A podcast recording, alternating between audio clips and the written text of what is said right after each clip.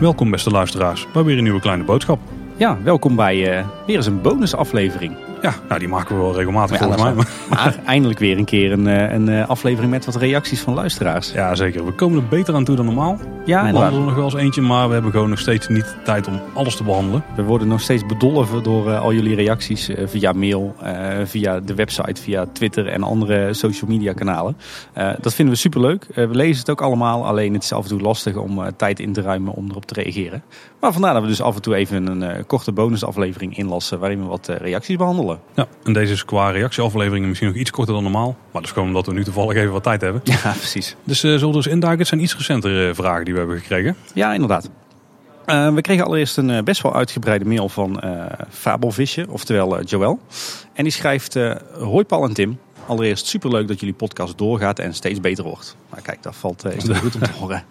Het kijkje achter de schermen liet me beseffen hoeveel werk er per aflevering wordt verzet. En met hoeveel aandacht en interesse dat jullie dat doen. Chapeau.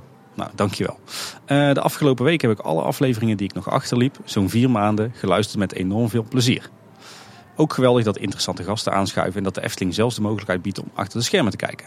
Nu ik helemaal bij ben met de afleveringen, wil ik graag vaker van me laten horen. Over de recentste aflevering, nummer 73, heb ik een toevoeging aan het beleid dat de Efteling heeft bij slecht weer, zoals harde wind of storm. Ik heb ergens vernomen dat dit niet zozeer met de operationele kant van de attracties te maken heeft. Die kunnen vaak zonder problemen draaien. Maar bij een eventuele storing en evacuatie is echter het bij harde wind te gevaarlijk om de gasten via de steile trappen, zoals bij de lifthill van Baron, naar de veiligheid op de grond te brengen.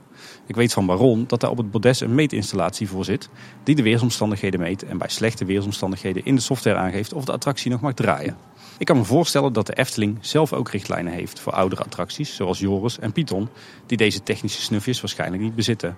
Bij Joris zou de harde wind wellicht voor, wel voor problemen kunnen zorgen, zodat de trein stil komt te staan.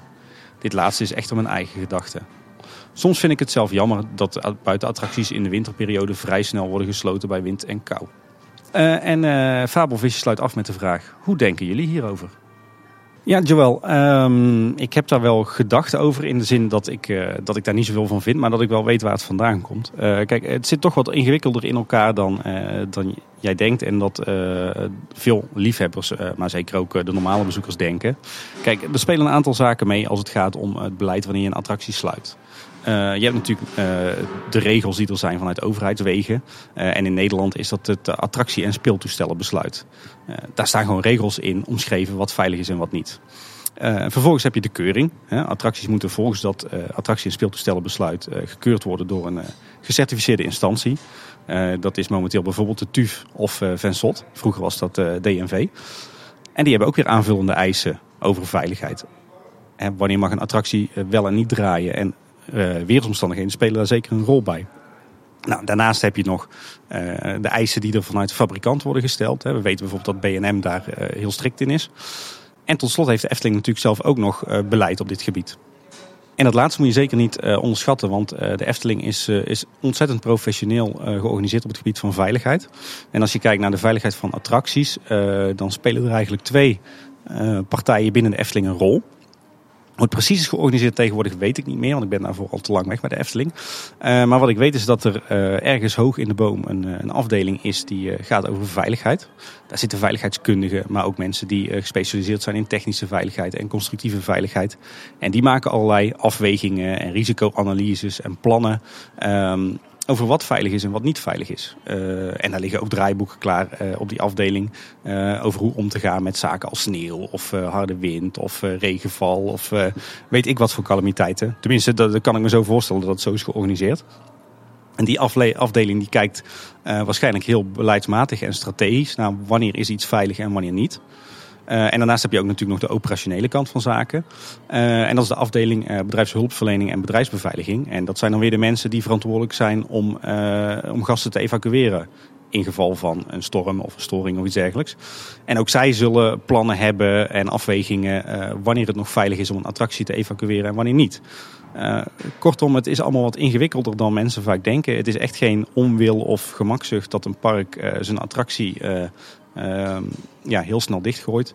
Eh, want zoals gezegd, even samenvatten nog, het, er zijn en gewoon eh, wettelijke regels, eh, de regels van de keuringsinstantie, regels van, de attractieproducent. In het geval van de Efteling ook nog eens een, een, heleboel veiligheidsbeleid. En ook nog de operationele kant van het evacueren. Dus daar zit van alles achter. Dus in die zin ja, heb, vind ik eigenlijk niet zoveel van het beleid van de Efteling om wel of niet attracties te sluiten. Omdat ik eigenlijk ervan overtuigd ben dat als de Efteling een attractie sluit, dat het dan ook goed overwogen is en heel terecht. Dus ja, dat is mijn visie erop. Het is volgens mij gewoon een kwestie van better safe than sorry. Want je wil gewoon niet dat er iets gebeurt. Hè? Net zeker met achtbanen. Die, eh, die gaan toch met hoge snelheid door die baan. En denk als het glas is dat ze potentieel sneller gaan. Of dat de remmen eh, minder goed werken. Ja. En die achtbanen werken bijna allemaal met eh, zwaartekracht. Behalve ja. Max en Moos dan dadelijk. Dus misschien dat die wel met lagere temperaturen kan, kan rijden. Maar dat zullen we dan zien. maar dan heb je dus gewoon het risico dat ze door de remblokken heen schieten. En dan krijg je dus gewoon een botsing. Want er is niks anders wat die uh, wat die voertuigen tegenhoudt. Zeg maar. En dat zijn gewoon dingen die je echt niet wil hebben. Sowieso het nieuws wat daaruit komt, dat wil je niet hebben. Kijk maar naar Alphen Towers. Die hebben echt geen goed jaar gehad toen het ongeluk met de Smalen was gebeurd. Jaren. Ja, jaren. Ja, het is twee jaar geleden denk ik. Hè? Ja. Dat wil je gewoon voorkomen. Je wil gewoon niet het iets van de veiligheid van je gast op het spel zetten. Daar zijn ze ook heel duidelijk in. Dus uh, ja, ik ga er net zoals Tim ook vanuit dat het moment dat ze iets sluiten, dat het echt wel gewoon een goede reden heeft. Maar dat ze wel iets meer aan de kant van de veiligheid zitten dan aan de kant van we gaan de bezoekers in die attractie een rondje laten maken. Ja, nee, ik denk inderdaad dat de Efteling wat dat betreft wel heel erg risicomijdend is. Ik ben het wel eens met Joël dat het waarschijnlijk als het gaat om uh, weersomstandigheden en zeker om wind, dat vaak met name die uh, evacuatie dat die maatgevend is. Dus technisch gezien zou een attractie uh, wellicht wel door kunnen uh, draaien bij een bepaalde windkracht. Uh, maar op het moment dat een, een evacuatie vanaf toplift bijvoorbeeld niet meer veilig is, ja, dan is dat maatgevend. En dan is dat het punt waarop je moet besluiten je attractie te sluiten. Ja. Dus ja, dat verklaart denk ik ook meteen het verschil tussen attracties en parken onderling. Hè. De, de, de, landelijke regels zijn al anders, andere keuringsinstanties. Maar zeker ook de, de eigen risicoanalyses en beleid en, en regels van een park zelf spelen daar zeker een rol in. Ja. We kregen ook nog een mail van Thijs van Gennep. Even een korte vraag. Zou Pandadroom na openingstijd een Efteling bioscoop kunnen zijn volgens jullie? Dit om de Efteling vakantieparkgasten meer in de avond aan te bieden. Jullie hebben de mooiste pretparkpodcast van het Nederlands taalgebied. Bedankt hiervoor. Groetjes Thijs. Nou, bedankt daarvoor Tim. Ja, oh, super. Thijs. Ja. bedankt daarvoor Thijs voor het compliment. Ja, super bedankt. Ik weet niet of we echt kunnen wedijveren met, uh, met uh, jongens zoals Ochtend in Pretparkland. Maar vooruit. Nee, ik, we doen ook maar een beetje onze amateuristische best. Um, ja, ik, ik, denk niet dat dit een heel zinnig plan is eigenlijk. Tenminste, het zou kunnen in theorie. Want er is een scherm en er is een plek om te ja. zitten. er kunnen veel mensen in. Alleen de, de plek waar het ligt is gewoon niet praktisch. Want je zou mensen dan dus door de ingang eigenlijk door een verlaten park moeten sturen. Wat ga je dan doen? Ga je dan allerlei hekken dicht houden? Die zitten er in principe wel. Ja. Dus wat dat betreft zou het toch wel kunnen trouwens. Ja. Ik vind het eigenlijk wel een goed idee van Thijs. Dat zou eigenlijk wel kunnen. Ja. nee, kijk, bij gebrek aan uitreik, als je je gasten wil bezighouden. Kijk, een filmpje pakken is altijd uh, mooi vermaak. Uh, en ik denk dat de Pandadroom zich daar wel voor leent. Uh, ik denk dat je ook inderdaad fantasierijk best wel kunt openhouden als, als parkdeel voor, voor je, je verblijfsgasten. Aan de andere kant denk ik van, ja, misschien is Pandadroom thematisch gezien uh, uh, niet helemaal passend. En is het ook heel lastig om, uh, om die projectoren en dergelijke even om te wisselen. Misschien dat bijvoorbeeld een, een Efteling theater zich daar ook voor zou kunnen lenen. Ja, Al wordt nu met Caro natuurlijk weer lastiger. Nee, um, maar in principe zou je daar gewoon in het midden ook een groot scherm kunnen hangen. En als ja. de lichten dimmen, dan heb je gewoon een tribune ja. en een scherm. Ja, volgens mij een projectieruimte is er al. Ja, ja. Dus dan ben je ook al heel ja, klaar daar. En die zaal is er wel iets meer geschikt voor. En ook de omgeving. Je kunt mensen wel makkelijker uit de zaal halen, een drankje laten doen en weer terugzetten. Ja, bij Panadroom is het iets lastiger. Ja, dan moeten mensen toch weer wat verder het park in, dat klopt. Maar, maar het voordeel bij Panadroom zou wel zijn als je kinderen de film niet leuk vinden. Kunnen ze in ieder geval een beetje in de speeltuin nog spelen. Absoluut, absoluut. Dan heb je, nou, en sowieso, dan kan je het theater gewoon in gebruik laten voor uh, Caro ja. of om het ja. even welke andere voorstelling. En dan heb je nou bij Panadroom een, uh, s'avonds een bioscoop.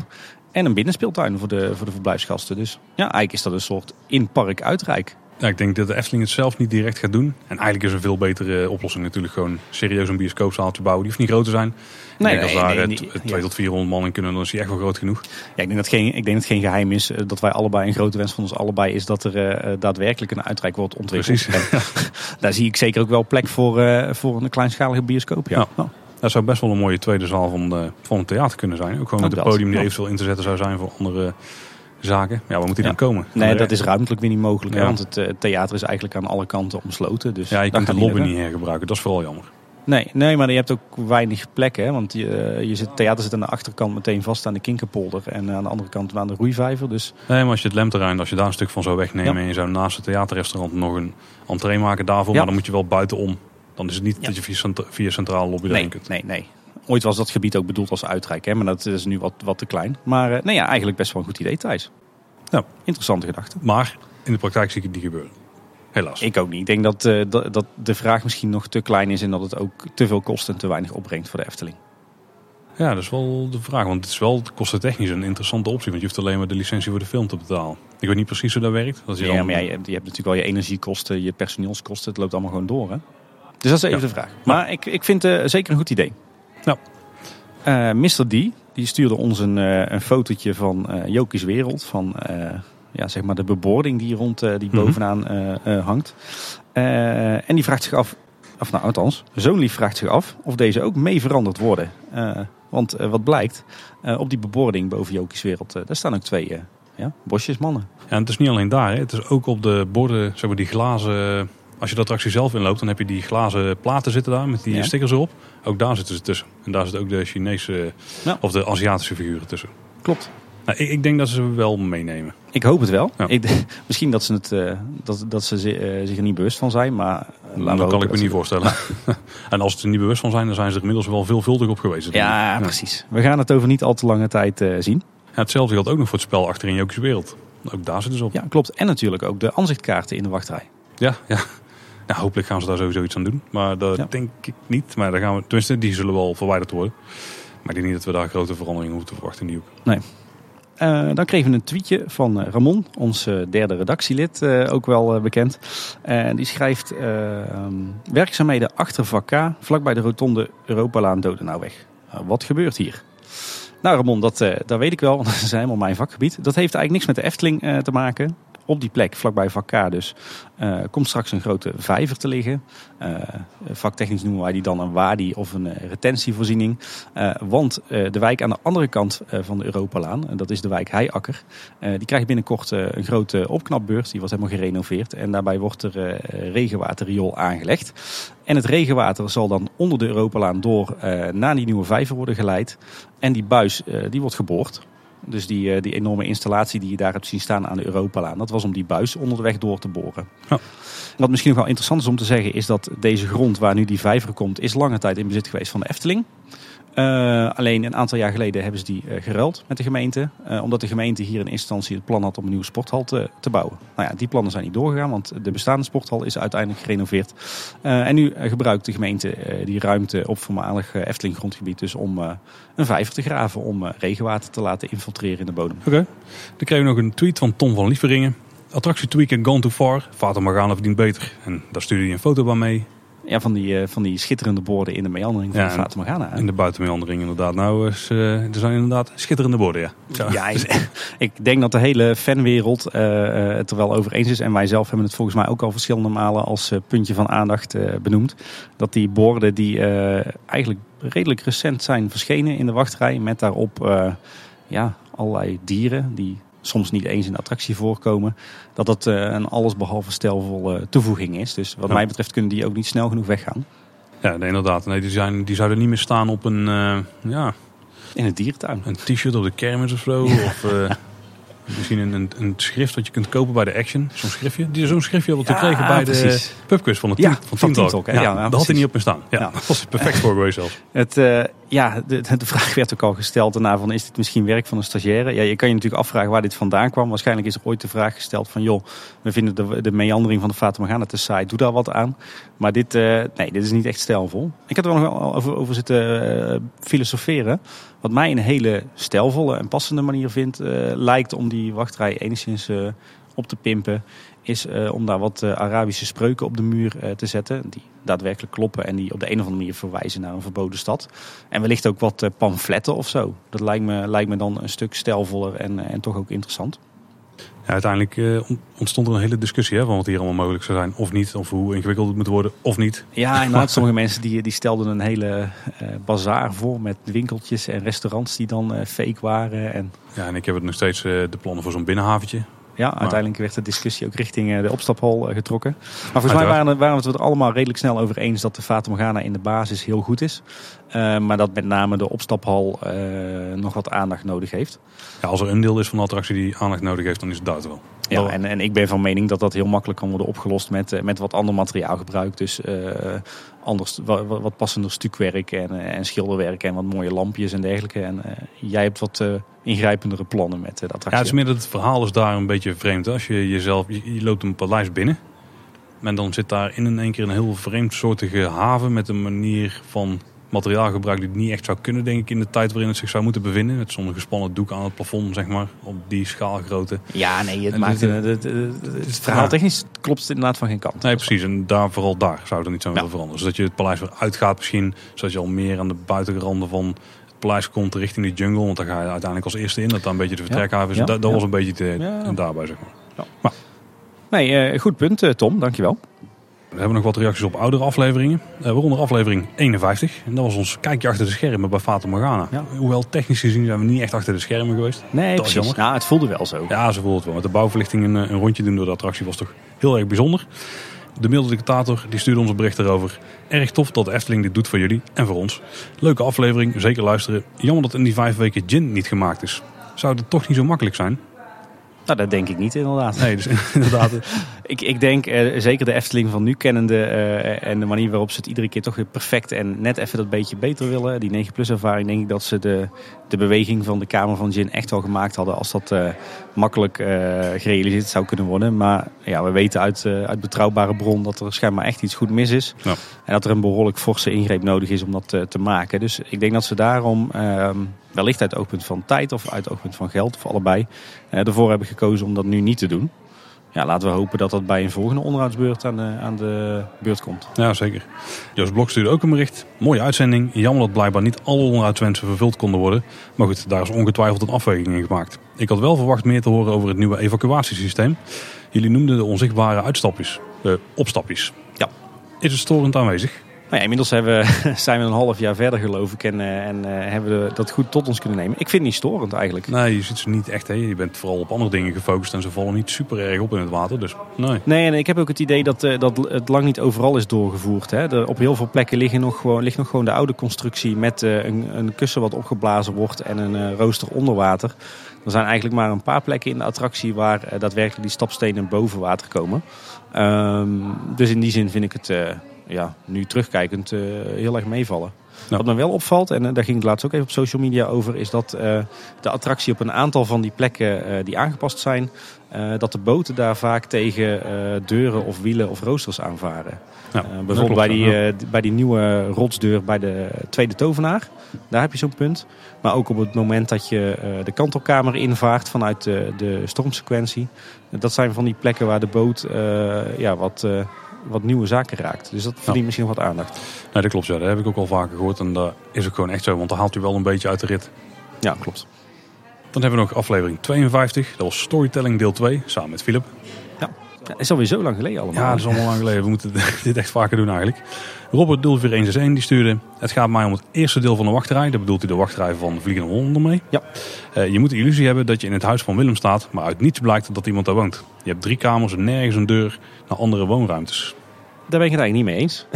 Want ik vind dat, dat op zich uh, de eerste paar uh, scènes van de Vliegende Hollander juist heel goed zijn in, in het impliceren dat het een, een huis is. Hè. Je hebt eerst de woonkamer van Van der Dekken, dan de bibliotheek. Daar zit, er zit een deur tussen. Je stapt door een schilderij. Nee, maar het gaat er denk ik meer om dat er verder in die ruimtes geen andere deuren zijn. Waar is het slaapkamer? Hoe kom je daar? Mm, dat is een beetje het punt je maakt. dat vind ik een beetje spijkers op laag water zoeken ik, ik vind dat wel een puntje heeft. Ik vind dat ik, nee, ik vind de, de, de huiskamer en de bibliotheek van Van der Dekken echt wel uh, overtuigend uh, ontworpen en ook uitgevoerd. Nee, dat wel, maar ik snap wel het punt dat die, je hebt niet het idee dat er nog meer achter, terwijl je best een groot gebouw in gaat. Maar dan, mm. je merkt niet veel van, zeg maar, die deuren die, uh, die iets aan de verbeelding moeten overlaten, die zijn er niet echt. Ken hem volgen? Ik, ja, ik snap hem, maar ik. Ja, accepteert hem niet. Nee. Uh, Vlederik die stuurde nog om in te haken op Tim's conclusie van geïmpliceerde storytelling. Veel zaken in de Efteling, met name Fata Morgana en Droomvlucht, hebben geen plot, maar bevatten wel verhalende elementen. Verhalend is niet per definitie een verhaal vertellen. Sprookjesachtig is niet een sprookje van A tot Z vertellen. Ja, dat heeft hij helemaal gelijk. Uh, klopt, hè? Dat is ook een beetje wat, uh, wat ze Disney niet willen. Hè? Die, hoe heet het dan? Die boekbespreking, attracties, zeg maar. En Sprookjesbos doen ze het ook best wel veel op die manier. Het is een sprookjesbos, dus het gaat om sprookjes, maar niet heel veel sprookjes in het bos in ieder geval. Die hebben specifieke verhaal, want die zijn gewoon door de Efteling verzonnen. Ja. Neem de Trollenkoning of het Kabouterdorp. Maar ook daar zitten echt wel verhalende elementen in. Ja, absoluut. Ja. En zeker, uh, maar, maar, maar zo, er wordt niet expliciet een verhaal in je gezicht gedrukt. Nee. En dat vind ik wel de mooiste manier. En zeker niet uh, echt van A tot Z. Bij sommige sprookjes natuurlijk wel. Net als het, uh, het sprookje van Assepoester wordt toch een heel ja, verhaal. Nee, zeker, ja. nachtegaal en dergelijke. Maar bij veel oude sprookjes wordt ook echt één deel van het verhaal uitgebeeld. Hè? Niet het hele sprookje. Oh. Frederik stuurde nog een berichtje. Na de kleine boodschap episode bedacht ik me... De trollenkoning mompelt hem wat op los en toch begrijp je wat hij bedoelt. Een geheimzinnig brabbelende boom, bijvoorbeeld de pratende boom in Droomvlucht, zonder echte tekst is misschien een goed alternatief en internationaler. En dan bedoelt hij denk ik op jouw favoriet. Ja, ja, ja ik, ik kan het daar alleen maar mee eens eh, zijn, uh, Frederik. Ik denk dat het een hele verbetering is als uh, Kniezel niks, niks zegt. Alleen is dan misschien weer de vraag van, ja, wat doet die mompelende boom daar? En wat is daar dan de meerwaarde van? Ja, het kan wel zijn dat hij gewoon aan het mompelen is, maar dat er af en toe nog wel een beetje flarden zijn ja, die je wel kunt opvangen. Die zouden ook metalig kunnen zijn trouwens. Ja. Uh, dat, dat, hij gewoon, dat je door hebt van die boom heeft niet zijn beste dag vandaag. Maar, maar ja, aan de andere kant, dat ding is er vooral uh, neergehangen vanwege de interactie met je Efteling-account. Laten we wel wezen. En als je wat gaat mompelen, dan ben je dat kwijt. En dan mag je van mij er, meteen, er gewoon maar meteen volledig uit. Oh, dan helemaal? Ja. Dus je vindt toch wel iets hebben, die interactie? Nee, maar dan heeft als, als dat er niet in zit, dan heeft hij eigenlijk ook geen toegevoegde waarde meer op die plek. Ja, dan zeg ik ruim maar op. Hmm. Ja, ik weet niet. Ik denk dat het nog steeds wel iets zou kunnen hebben. Want dan is het inderdaad vergelijkbaar met de Trollenkoning. Alleen minder interessant in het algemeen. Maar oké. Nou, dat kregen we over aflevering 53. Dat was een nieuwsaflevering. Kregen we nog het berichtje van Christian. Mooie aflevering weer, met veel plezier geluisterd. Een kanttekening. De nieuwe achtbaan gaat niet Max en Moritz heten, maar Hennis en Maurits. Communicatiefoutje van de Efteling. Het ontwerp ligt in handen van een Zweedse modeontwerper. Hier kon ja, wel goed ja. Overigens is het wel zo dat Efteling inderdaad eh, Max en Moritz uh, gebruikt. Terwijl eigenlijk in het Nederlands heet het uh, Max en Maurits.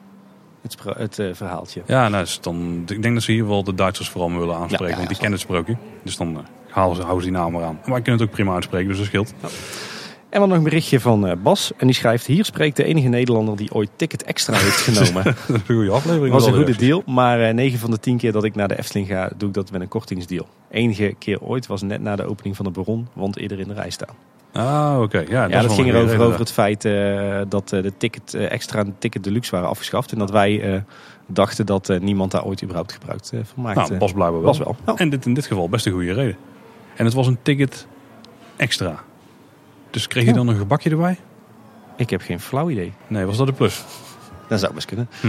We zijn ook goed in onderwezen in dit uh, onderwerp. We kregen nog een berichtje van Roy Jansen. Uh, die stelt, ik vind dat Polka Marine ook groot onderhoud mag krijgen. De walvis ziet er erg vies uit en ook de piraat met paraplu ziet er niet uit. Hij is al zijn kleuren verloren.